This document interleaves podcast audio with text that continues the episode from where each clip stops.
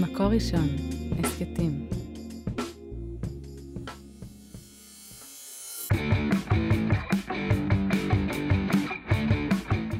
שלום, ברוכות הבאות וברוכים הבאים להסכת של מקור ראשון, מלחמת קודש. אבינועם, קוצ'ר, מה העניינים? שלום לכולם, שלום לביני אשכנזי, מה העניינים? בסדר גמור. תשמע, שבוע חוויתי טלטלה, אני לא יודע אם אתה חווית את הטלטלה, אבל הציונות הדתית תחת מתקפה אלטילרית נדירה. כן, באמת? מה, אתה, אתה לא ראית? היית באיזושהי בועה? אני לא יודע, אה, ספר לי על זה. דווקא אני חושב שאתה חי בבועה הזאת היטב, בועת הטוויטר. אה, אתה מדבר על זה, אוקיי. מה היה? אנשים כועסים על כל הציונות הדתית, על הדוסים ועל הלא דוסים. איך אפשר בכלל לכעוס על כל הציונות הדתית כמקשה אחת? אני מביט פה על הכיפה שלך, ככה שבתור ילדים הייתי אומר לאבא שלי, זה צלחת מרק, אני לא רוצה כזאת כיפה, מסתכל על הכיפת גרוש שלי, זה אותה כיפה. זה אותה כיפה סרוגה. וההבדל הוא בגודל, שזה מינון, אבל לכל מיני אנשים מאחור, אחרים, הם כבר מגדירים אותנו כמקשה אחת, וגם אם יודעים שאנחנו לא מקשה אחת, הם יודעים שיש לנו משהו שמקשר בינינו. תראה, היה צייצן אחד גם שאמר שתם עידן הציונות הדתית, או הגיע אה, מותה, כבר היה צריך להקריא קדיש. כן, והקטע המדהים הוא שהוא תפס את כולם ביחד, ו... אגב, לדעתי הוא התכוון בציניות, זאת אומרת, נראה לי הוא ניסה לעשות מזה דחקה כמו תם עידן נתניהו, אני רק אומר. לא, לא, זה ברור, אה, אה, אבל אגב, מעניין, הוא גם כן שם את זה אצל הבנטיסטים ואצל החרד"לים. ואגב, יש ים בציונות דתית שגם נמצאים במקומות אחרים, שאני מגדיר אותם ציונות דתית, על אף כל הפאות והזקן שלי והכיפת צלחת מרק שלי. מעניין. אתה יודע מה, אני, אני רגיל לדעת, ש... לשמוע לפחות שהדבר היחידי שנשאר לנו בתור מגזר זה כולה בני עקיבא. זהו, כל השאר, וגם זה כבר לא כל כך ברור. שמע, אתה יודע, יש פה, אה, לידינו נמצא מישהו שהוא גדל במגזר והוא מפרשן את כל העניינים האלה, לאו דווקא בעניין המגזרי שלנו, כי אולי הוא לא צריך לפרשן, כי הוא ממש המגזר שלנו. אה, מה אתה אומר, בני? אני אומר? שנפסיק ללרלר, ובואו ניתן למומחה לדבר. יש פה איתנו את אה, הכתב יאיר שרקי, שטור במקור ראשון, ומחברת החדשות. אה, הוא ידוע שהוא היה גם בגלי צה"ל לפני זה, והוא היה כתב של חרדים, כתב של דתות, ואנחנו עומדים לתת לו עכשיו תואר חדש שמעולם לא היה לו. אתה מוכן לתואר הזה? אתה מוכן? פרשן לענייני ציונות דתית. שלום יאיר. שלום. מה אתה אומר, אתה פרשן לענייני ציונות דתית, או שאתה לא פרשן, אתה פשוט ציונות דתית? מה זה ציונות דתית? או, מה, אתה תוקע אותנו כבר על ההתחלה? תראה אותך עם הפאות שלך, אתה לא ציונות דתית בכלל, איך אתה יכול להגיד דבר כזה? אה, לא יודע, טוב, לחתוך? גם לך יש פאות משלך.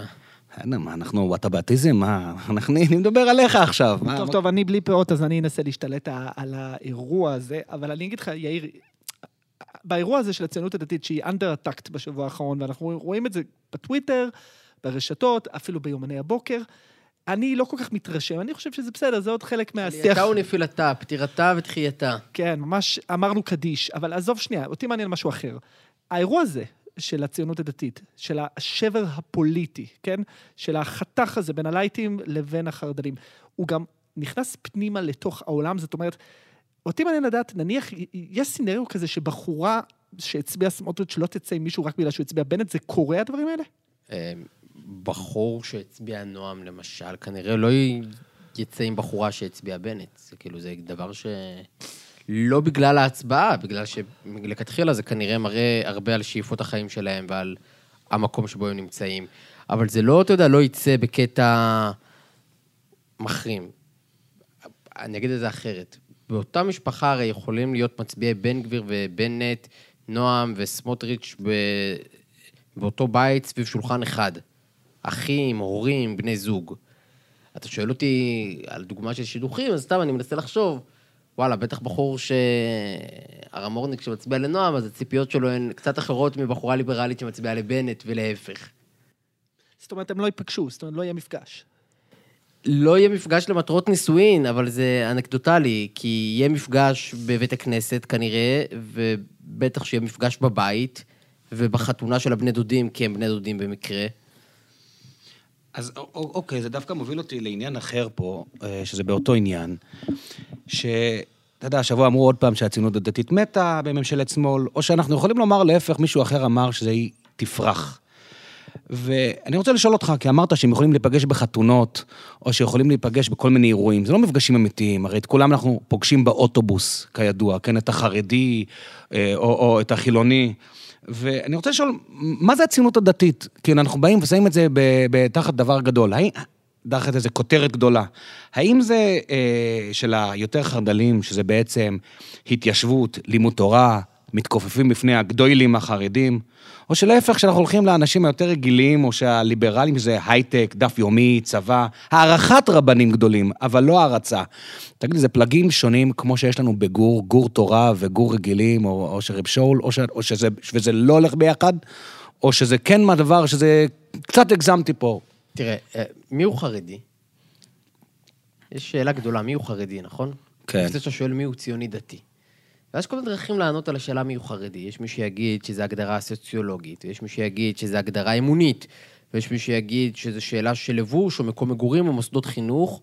בעיניי מי הוא חרדי, או הגדרה פוליטית כמובן, בעיניי מי הוא חרדי זו הגדרה עצמית. מי שמגדיר את עצמו חרדי, הוא חרדי. עכשיו, מי הוא ציוני דתי?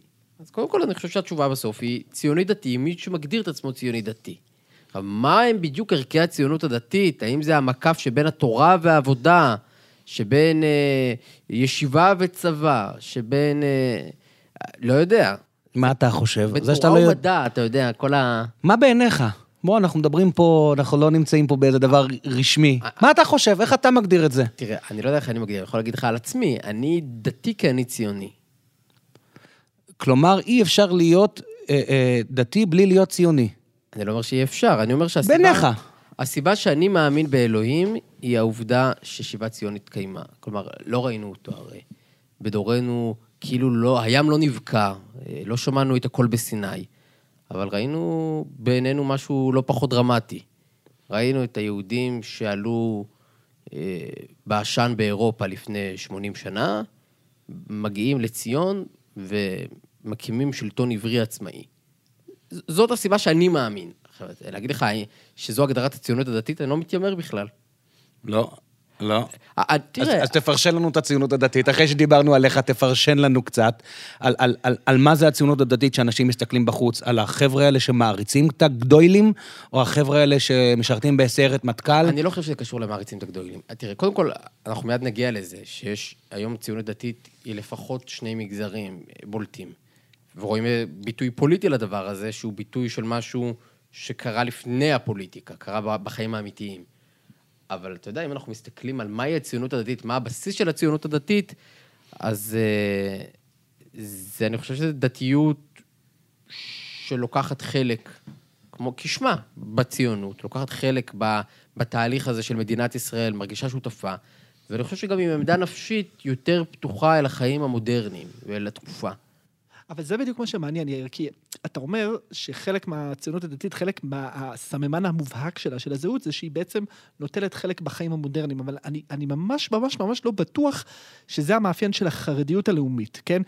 אה, אה, אתה ואני גדלנו בקריית משה, אה, רב אברום בירך אותי לבר מצווה, אבא שלי הוא כזה מרכזניק. הרב טאו היה הסנדק שלי. כן, לא, אתה מנצח אותי, עזוב, זה לא זה. אימא שלי, כאילו, כזה מבית מודרני של פרופסורים וצייטלין, וקראו הארץ מגיל אפס, לא עלינו, אבל... סבא שלי היה רב גרסת הציונות הדתית. בדיוק. אבל כשאני מסתכל על החרדיות הלאומית, אוקיי? כשאני מסתכל על קריית משה, שכונה שלנו, אני לא רואה שם את ההתערבות בתוך ההפוך, אני רואה שם די חומות. כן, אבל.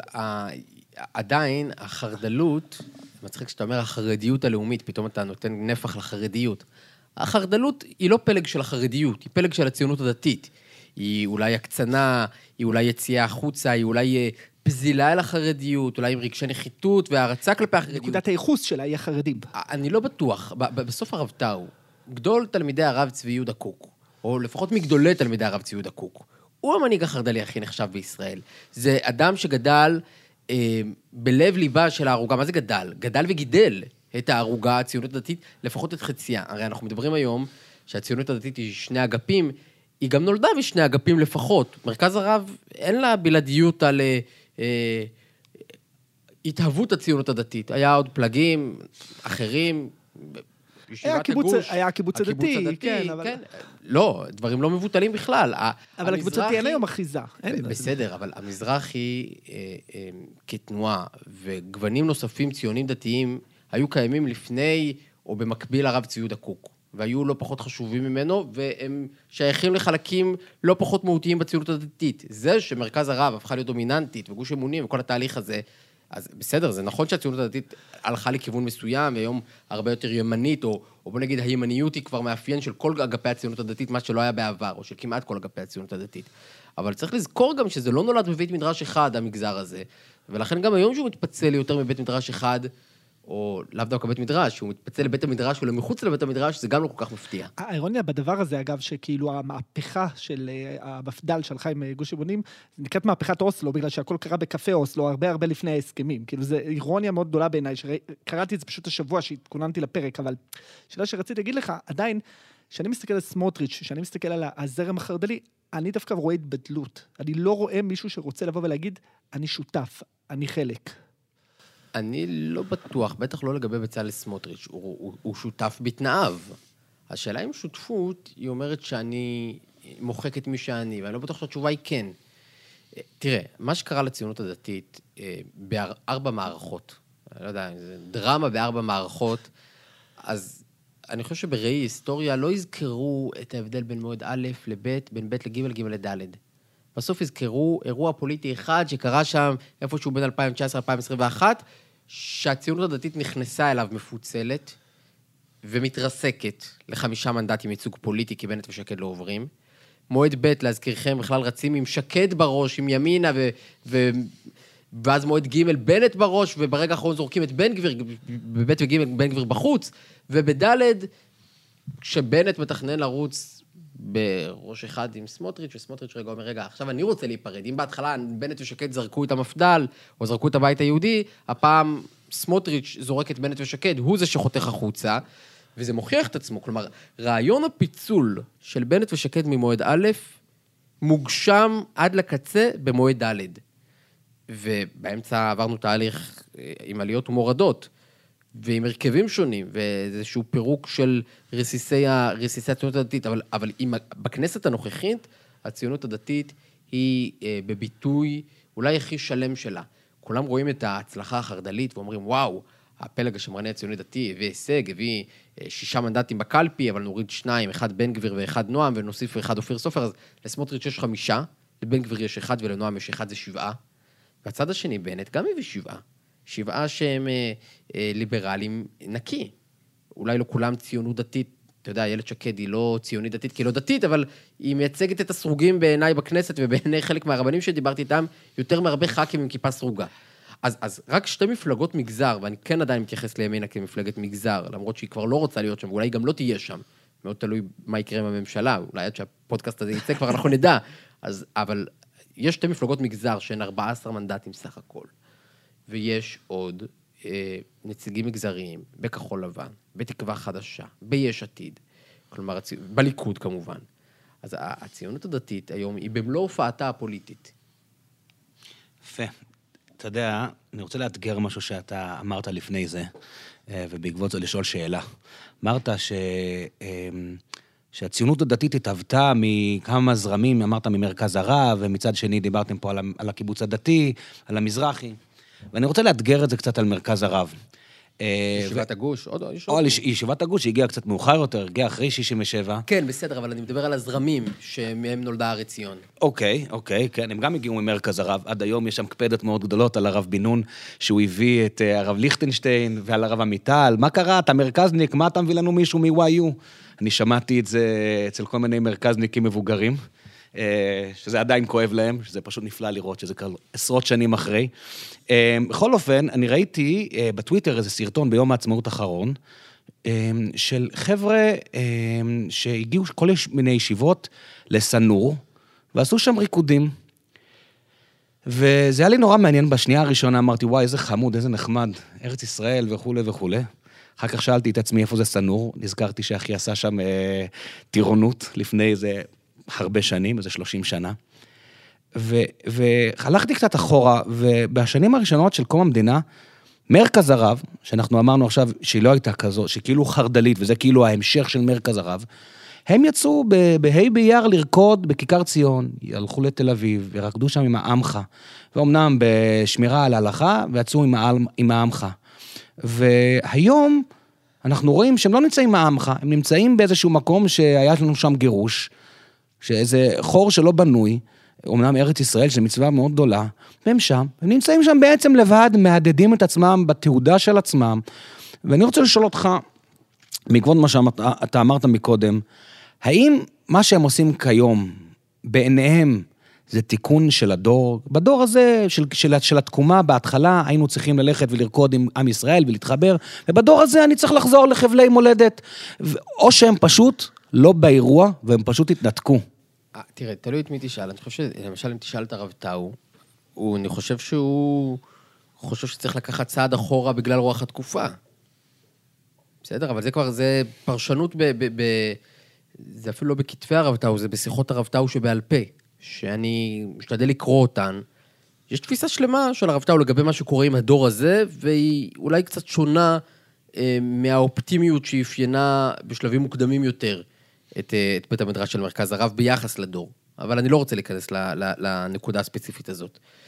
אה, אני יכול אפילו לחזק את השאלה שלך ולשאול האם בריקוד גלים, ברחובותיה של ירושלים, אדם שאיננו ציוני דתי לגווני הציונות הדתית, בין אם הוא גדל בסניף נפרד של אריאל בין החומות, ובין אם הוא גדל בסניפי בני עקיבא בגבעת שמואל, יכול למצוא את עצמו שם.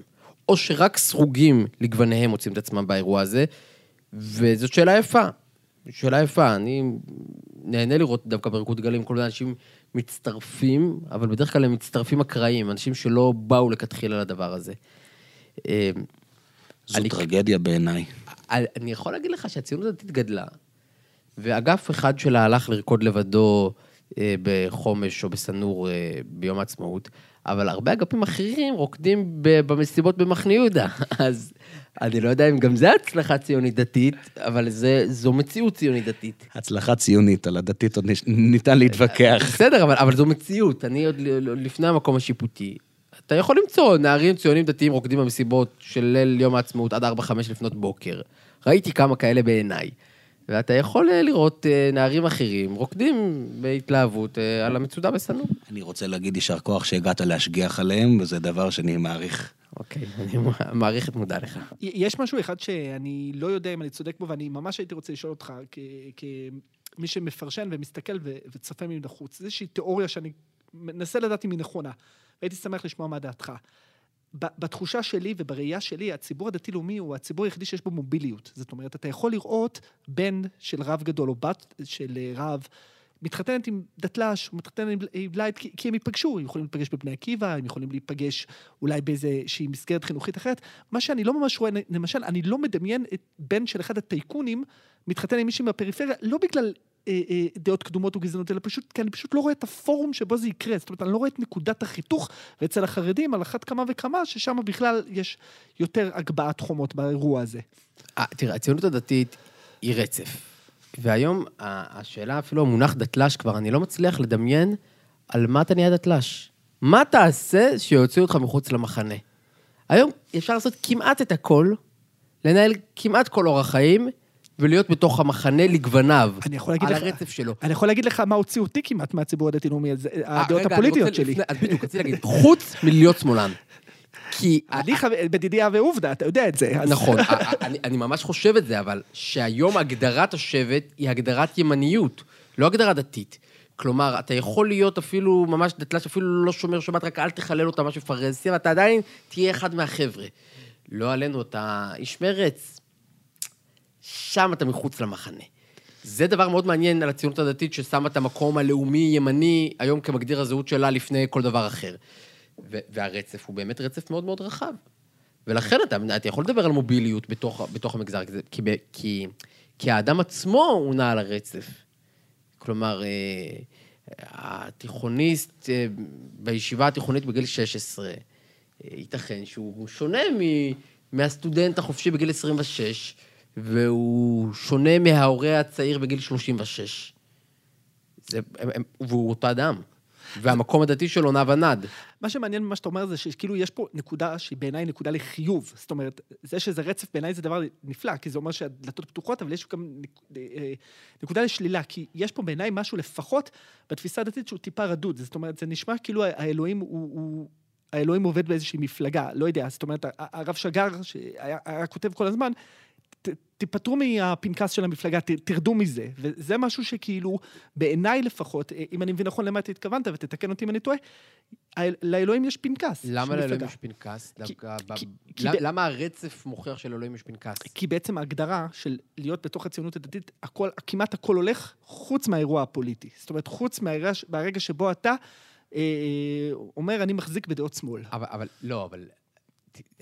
האירוע הפוליטי, הרצף, כן מתחלק היום בין מפלגה חרד"לית מאוד למפלגה ליברלית. ו, לא, אני מדבר על הפרט. ול- רגע, ולמפלגות לא דתיות. אתה יודע, ציוני דתי שמצביע למפלגות לא דתיות, הוא מרגיש בסדר גמור. הבחירה של השמאל היא דווקא לא בחירה על הציר של אלוהים. היא, היא בחירה, אני חושב, של הגדרת השבט. אבל, אבל זה יפה, אבל השבט בסוף הוא שבט דתי, אתה מבין? אה, אולי השבט החליט שההגדרה הראשונה שלו היא לא, לאו דווקא ההגדרה הדתית, אז- ברמה הפרקטית של שמירת מצוות מלאה.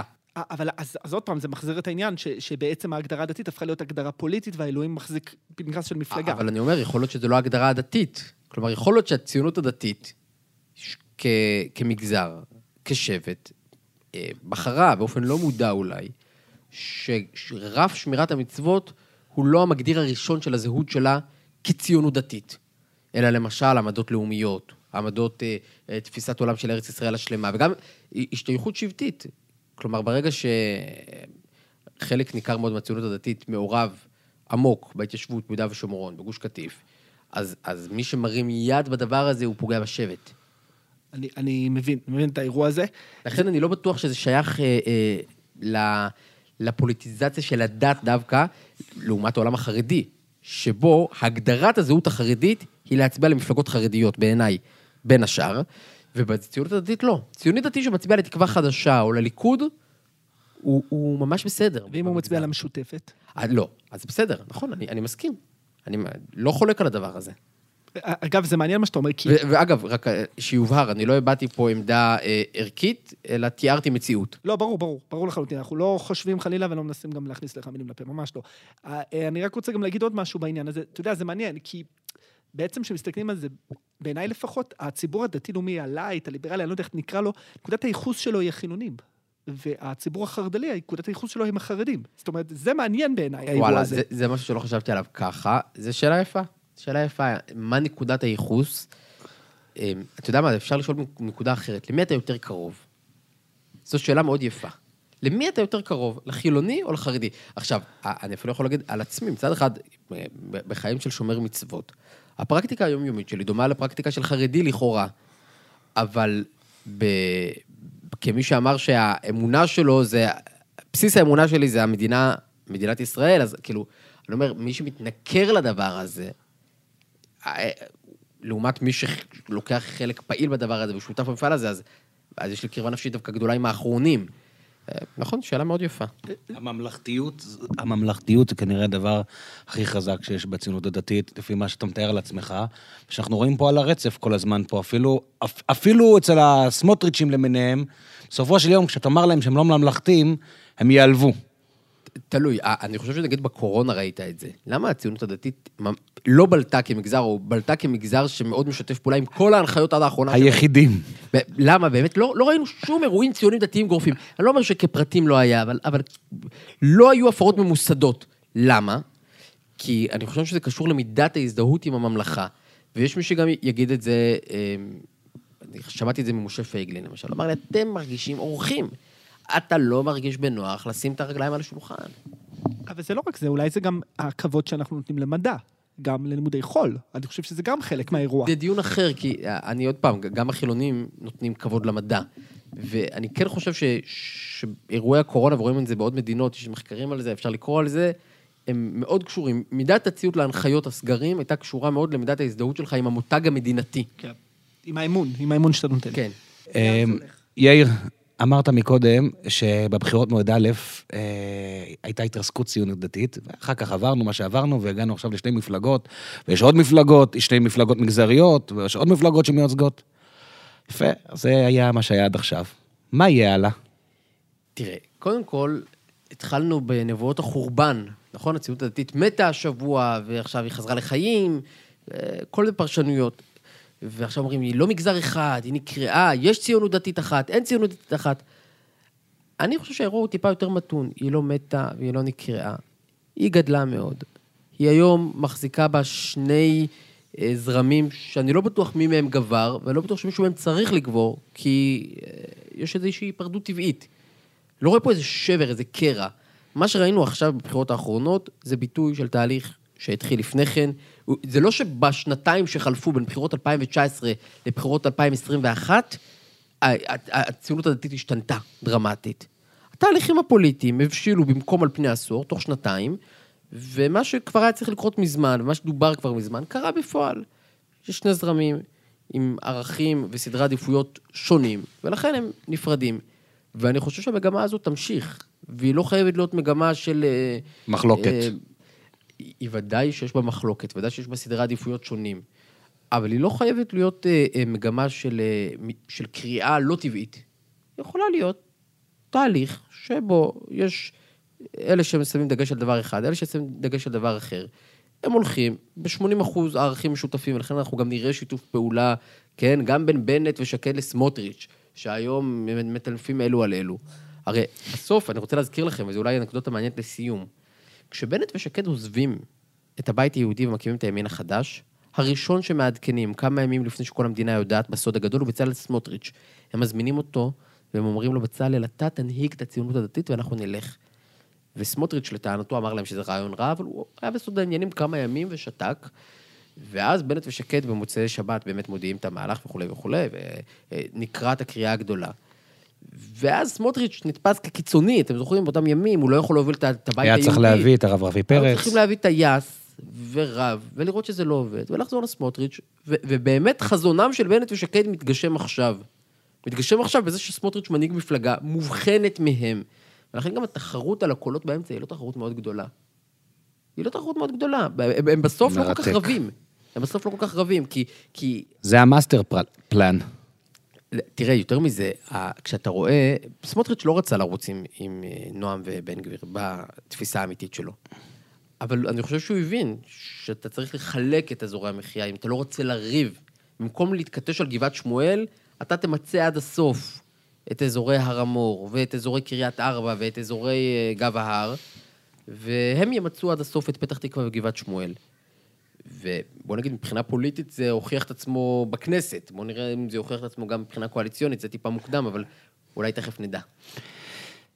יאיר, תודה רבה רבה רבה לך, תודה. על הזמן, על הפרשנות. תודה רבה לך, ביני אשכנזי, ותודה רבה לעריכה הטכנית לאוהד רובינשטיין. זה היה הסכת של מקור ראשון, מלחמת קודש. כל טוב, להתראות. וכמובן, אל תשכחו לעקוב אחרינו באפל, בספוטיפיי, באתר של מקור ראשון, לעשות לנו לייק בכל הרשתות החברתיות. תודה על ההאזנה, להתראות בשבוע הבא.